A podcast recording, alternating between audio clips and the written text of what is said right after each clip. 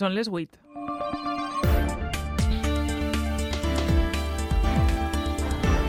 Les notícies de la nit amb Sara Garcia i José Soler.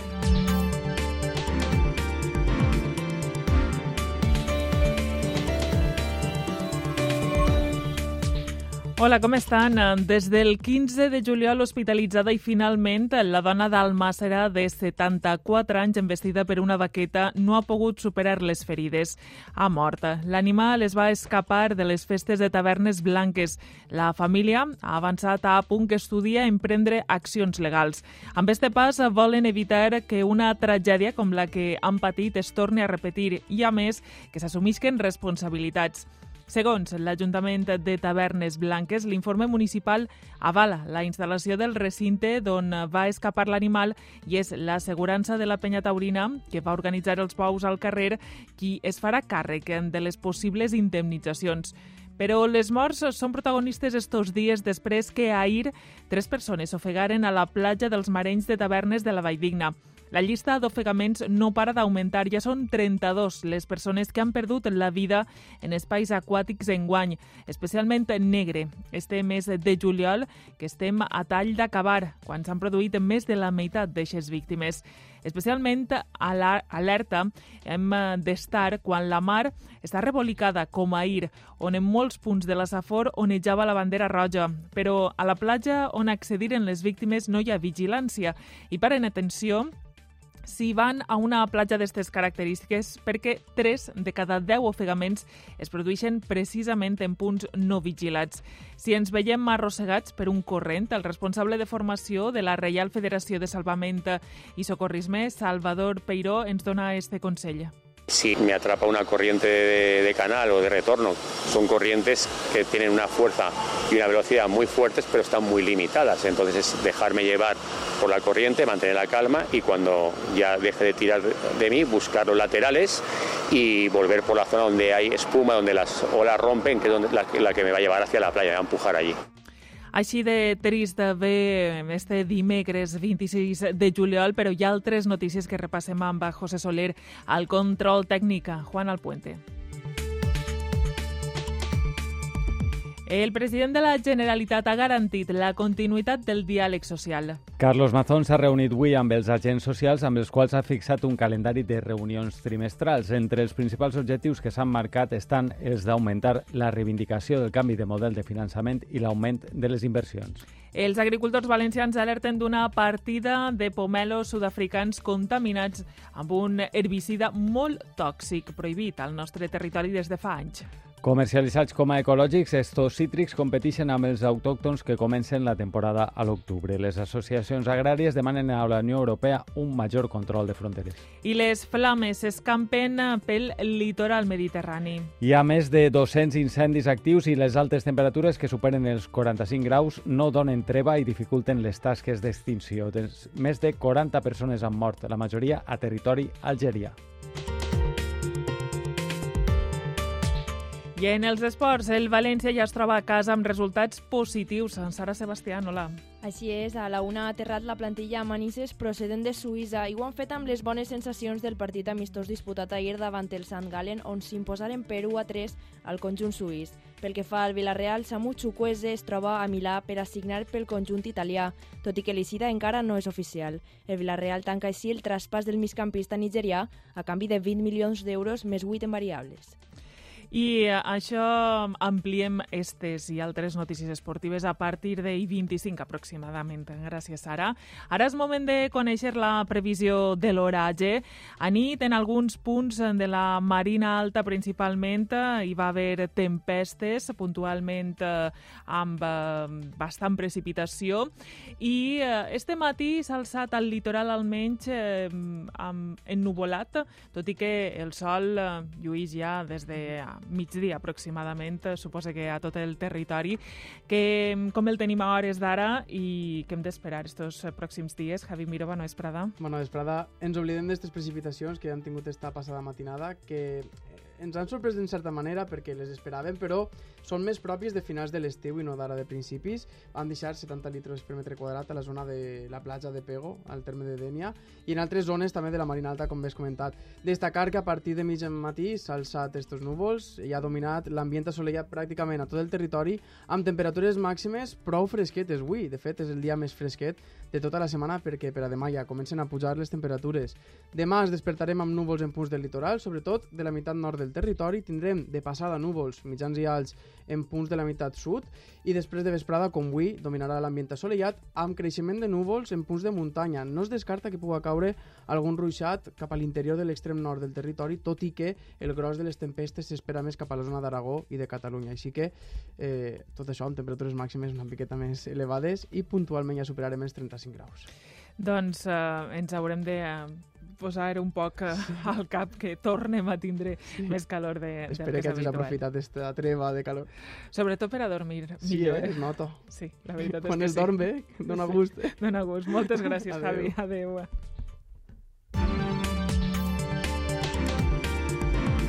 Escoltes a punt. Les notícies de la nit.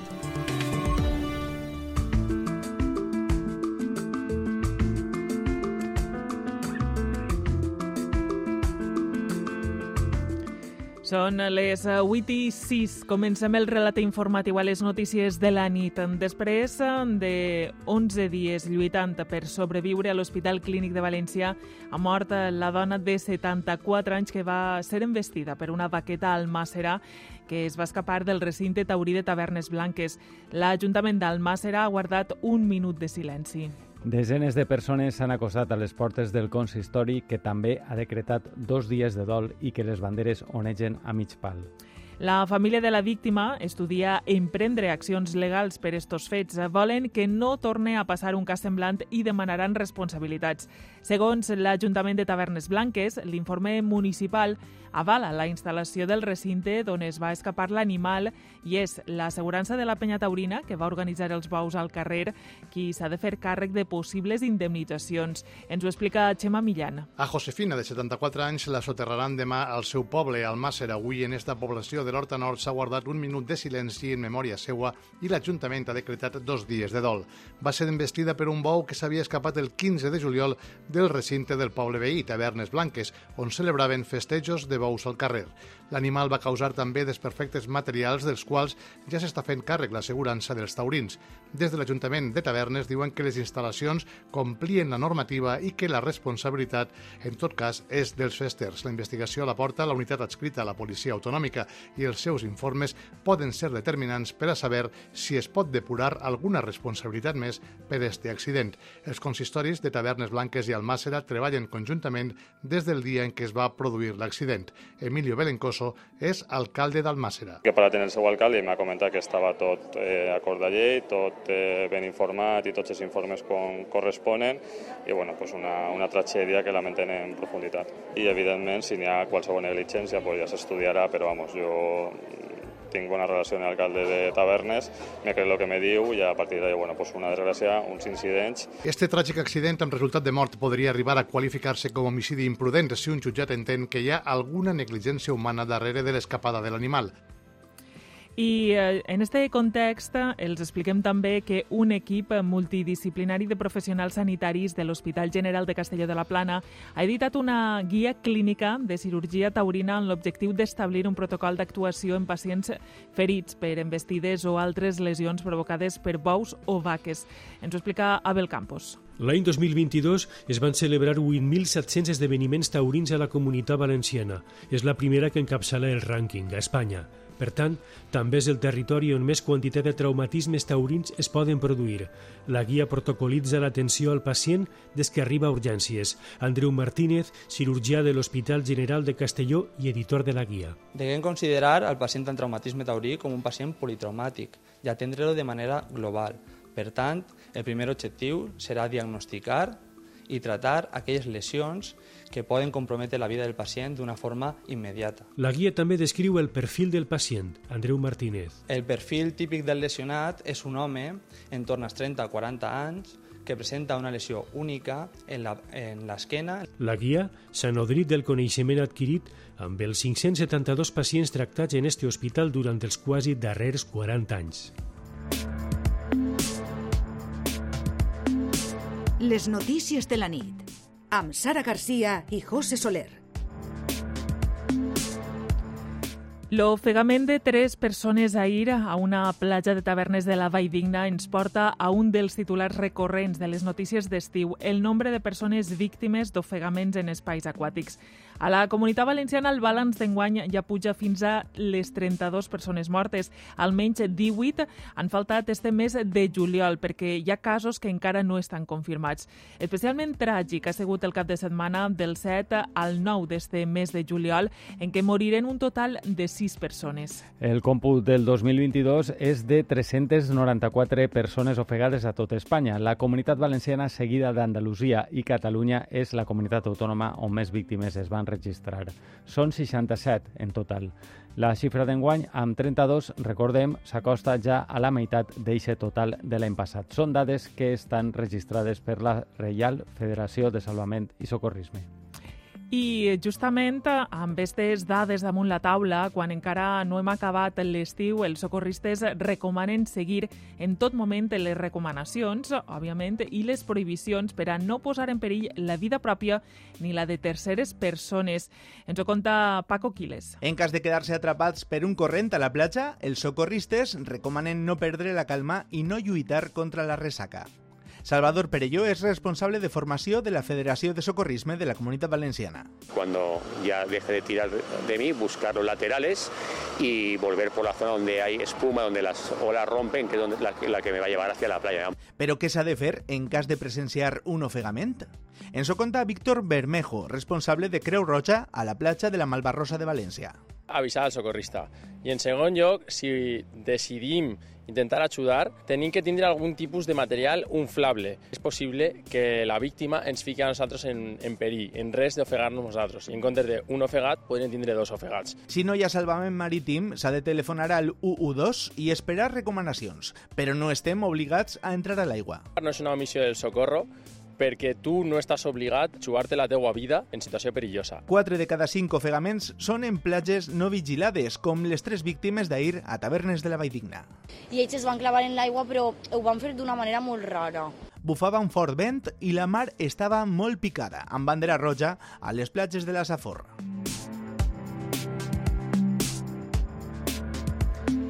I no deixem eh, les aigües, ara parlem eh, de les de les fonts i les eh, làmines d'aigua, perquè ja són 16 els xiquets i xiquetes infectats per un bacteri a les bases del Parc Central de València. Els epidemiòlegs alerten del perill de banyar-se en estos espais que tenen un ús ornamental i l'aigua no té les condicions òptimes que sí que trobem a les piscines. Núria Navarro. Banyar-se en les fonts de parcs i jardins no és una bona opció per a sufocar la calor. Juan Bellido és epidemiòleg del Centre de Salut Pública de Castelló. No, no se té que fer això perquè la garantia de la qualitat de l'aigua de d'aquestes fonts no està, no està garantitzada en absolut. No és una aigua preparada per al bany. Aquestes instal·lacions on està prohibit el bany no reben els tractaments i les anàlisis periòdiques que es fan a les piscines. D'això s'encarreguen els equips de salut pública. Montse Gómez és farmacèutica de Salut Pública de Castelló. Medim cloro, medim pH, medim turbidesa, també ens fixem en la transparència, que es veja perfectament el fons del, del got, i després fem una, una revisió documental de registres que ells prenen cada dia. Cada dia els serveis de manteniment controlen al mil·límetre l'estat de l'aigua. Ho explica José Domingo del Patronat Municipal d'Esports de Castelló de la Plana. Els equipos que medicen a temps real, diguem, i dosifiquen automàticament. Intentem mantenir el mateix nivell de desinfectant durant tot el dia. Els nivells han de ser òptims. L'excés de desinfectant pot provocar irritacions en la pell o els ulls i, si en falta, el risc són les infeccions. Escoltem Juan Bellido. Poden haver de brots de gastroenteritis produït per colis, que, o, que són bacteris o, o paràsits o, o virus. Poden provocar gastroenteritis, diarrees o fins i tot faringitis i afecten especialment xiquets, dones embarassades o persones amb les defenses baixes. I els eh, contem també un succés d'última hora. Un home de 85 anys ha mort i una dona està greu després que un cotxe els atropellara quan s'ha encastat contra la botiga d'una gasolinera al poble nou de Benitatxell. La conductora, una britànica de 48 anys, no ha patit cap ferida. El seu vehicle ha xocat contra la façana de la gasolinera i ha atropellat els dos clients. El cotxe ha travessat per complet la botiga i ha eixit per l'altra banda.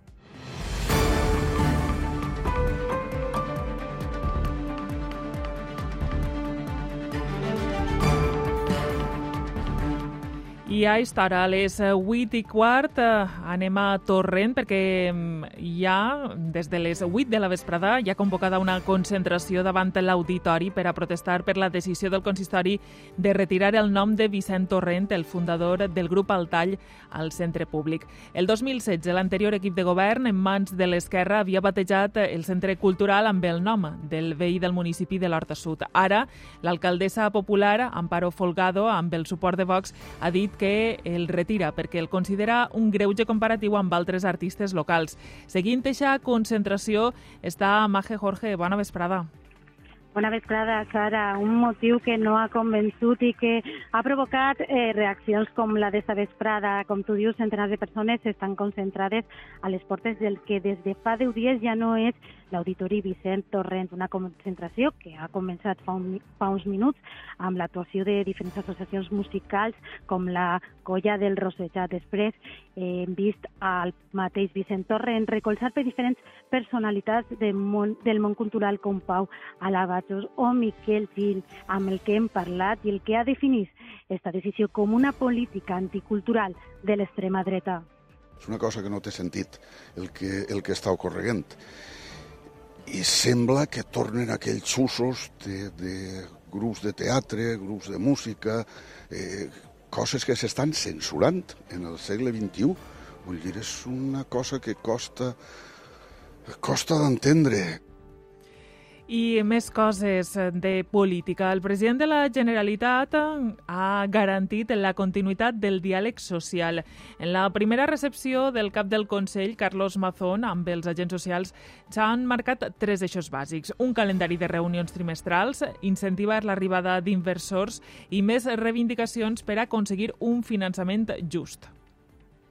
Ya para el mes de septiembre provocaremos un nuevo encuentro de la Plataforma per el Financiament Just, en esta ocasión con la presidencia de la Generalitat Valenciana, tratando de seguir reforzando nuestro mensaje reivindicativo, que a la vez está bien acreditado desde el punto de vista eh, no solamente financiero, sino también técnico, también económico y también de elementos de justicia entre las comunidades autónomas y entre los españoles. ¿no? Els representants sindicals han celebrat que el diàleg social continue amb el nou govern de la Generalitat. Ismael Saez i Ana García, secretari y secretaria general d'UGT y Comisiones Obreres al País Valencià. Contar con nosotros ya de entrada eh, pone en evidencia que hay voluntad de compartir ese propósito, esa finalidad de éxito con las organizaciones sindicales y patronales que, insisto, tienen un nivel de representatividad importante y, por tanto, que se reconozca que nuestra opinión puede tener alguna validez, aunque luego sea para desestimarla, ya es de agradecer. Y es importante que esa base, ese eje fundamental del estado de bienestar en nuestra comunidad autónoma se pueda ver reforzado con ese cambio del modelo de financiamiento. Vemos con muy buenos ojos este gesto de poder tener esas reuniones periódicas en el marco del diálogo social y siempre desde el punto de vista propositivo para poder avanzar como comunidad autónoma. Desde la patronal, el president Salvador Navarro ha insistit que l'ocupació de qualitat passa per un nou model productiu. Necesitamos esa transformación poco a poco del modelo productivo, necesitamos ganar eh, y mejorar en innovación y el mejor elemento es que vengan el efecto tractor como empresas de cierta dimensión, en el caso eh, que tenemos ya en esta comunidad, y desde luego repito que el diálogo social es fundamental para la estabilidad, que yo creo que es la palabra que valoramos. I avui al Congrés els grups polítics s'han retrobat després del 23J i han aprovat en comissió permanent l'últim decret anticrisi. Però les negociacions que duen a terme Partit Popular i PSOE per tal d'avançar en la carrera cap a una investidura han monopolitzat el debat als corredors. Vox ha suggerit que no bloquejarà una hipotètica investidura de Feijó si els populars aconsegueixen seduir alguns diputats socialistes. Genova descarta moviments en este este sentit. Laura Ribes. Després de mostrar-se molt crític amb un PP que ofereix pactes d'estat al PSOE, Espinosa de los Monteros deixava caure que permetria una investidura de Feijó si els populars alenten un motí en files socialistes i ha trobat una aliada, Isabel Díaz Ayuso pues quizá esos socialistas de Paje o quizá esos socialistas de algunos de los otros sitios de España consigan convencerles de que le voten a él para evitar un gobierno de destrucción nacional. Va a ser francamente difícil, però hay que intentarlo. Però els socialistes es mostren units i Gènova ho descarta. La direcció nacional del PP es decanta per tractar d'imposar la seva narrativa i allargar els temps. Cuca Gamarra. No hay conversaciones con diputados individuales. Quien gana, gobierna no se le impide conformar gobierno. Lo veo totalmente imposible. A estas alturas lo que está claro es que el Partido Popular no puede formar gobierno, es incapaz nadie le coge el teléfono. Interpretació de Félix Bolaños del PSOE i d'Enrique Santiago de Sumar, que es mostren convençuts de les possibilitats del bloc progressista. Els dos partits opten ara per la discreció perquè fa les seues negociacions amb Junts. El pas previ a una potencial investidura de Sánchez podria ser concedir-los grup propi. Demanaran a canvi als independentistes votar a favor d'un president socialista per a la cambra baixa. I mentrestant, a Múrcia, Vox insisteix a demanar l'entrada en el govern per a donar suport a la investidura del popular Fernando López Miras. Els d'Abascal demanen la vicepresidència i dos conselleries. Avui mateix hi havia prevista una reunió amb el PP que, a la que finalment Vox no ha assistit perquè diu que els populars han filtrat als mitjans de comunicació el que els anaven a oferir, càrrecs que no inclouen formar part de l'equip de govern regional. El PP ha demanat responsabilitat a Vox i assenyala que l'únic que vol el partit d'Abascal és una repetició electoral. Rubén Martínez és el portaveu de Vox a Múrcia. Nos pueden ofrecer todos los sillones de todos los chiringuitos que se puedan inventar, pero nosotros lo que queremos con los chiringuitos es cerrarlos que no queremos sillones, queremos cambiar las políticas. La vicepresidencia de la comunidad autónoma garantizaría que se tiene control sobre el desarrollo de todas las políticas que se van a poner en marcha del Consejo de Gobierno. I anem a altres eh, qüestions. Els agricultors valencians alerten d'una partida de pomelos sud-africans contaminats amb un herbicida molt tòxic, prohibit al nostre territori des de fa anys. Comercialitzats com a ecològics, estos cítrics competeixen amb els autòctons que comencen la temporada a l'octubre. Les associacions agràries demanen a la Unió Europea un major control de fronteres.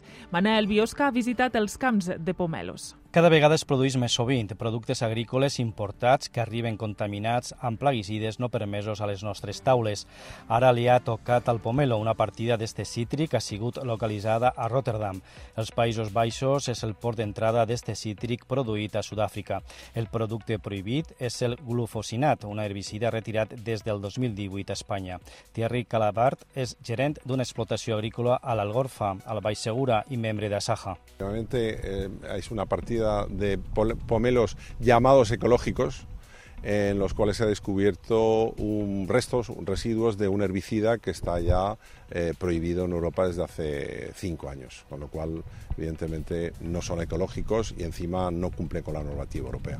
La comunitat valenciana és la segona productora de pomelo després de Múrcia. Només el Baix Segura en produís 20.000 tones a l'any. La seva comercialització començarà a l'octubre, com la majoria de cítrics autòctons. El productor valencià demana més control a la Unió Europea i al consumidor que busque productes de proximitat. I les flames, parlem ara de l'exterior. Les flames s'escampen pel litoral mediterrani. Hi ha més de 200 incendis actius i les altes temperatures, que superen els 45 graus, no donen treva i dificulten les tasques d'extinció. Més de 40 persones han mort, la majoria a territori algerià. Arturo Monedero. El foc devora l'illa de Rodes. No ho podem aturar. Lluitem per a res, lamenta un dels bombers. A Eubea, on moriren dos pilots en estavellar-se un hidroavió, la situació millora, però a Corfú les flames arrasen l'illa per quart dia consecutiu. Estat d'emergència a Sicília, on han mort 5 persones. Els incendis s'aproximen a Palerm, Catània o Taormina, espentats per temperatures que freguen els 48 graus. El ministre italià de Protecció Civil demana més mitjans a Brussel·les. Al nord d'Àfrica, Tunísia registra la primera víctima mortal, que se suma a les 34 d'Algèria. L'OMS alerta del risc per incendis i temperatures extremes. El seu director afirma que 61.000 persones moriren a Europa l'any passat per causes relacionades amb la calor.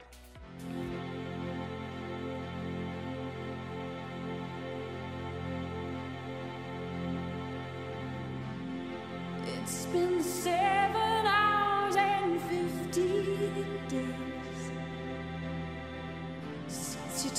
your love.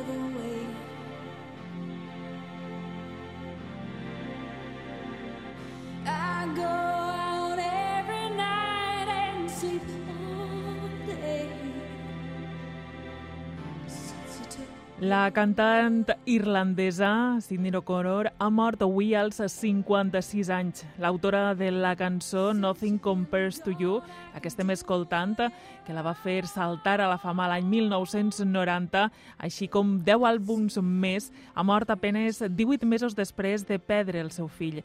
Ha guanyat diversos premis Grammy i ha sigut la família la que ha anunciat la mort avui en circumstàncies que no s'han especificat.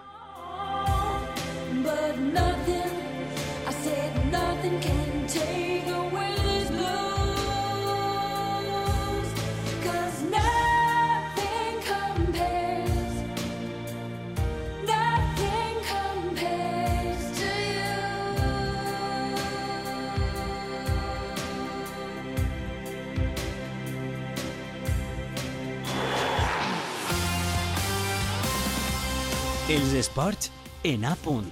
Les notícies de la nit. I en la informació esportiva, l'actualitat passa pel futbol, on el Villarreal continua la pretemporada als Països Baixos. Sara Sebastián, hola de nou. Hola, els de Quique Setién volen a hores d'ara cap als Països Baixos, on s'enfrontaran al Feyenoord demà dijous. També estaran els nous fitxatges tant Sorlot com Gàbia, que s'han incorporat als entrenaments este matí.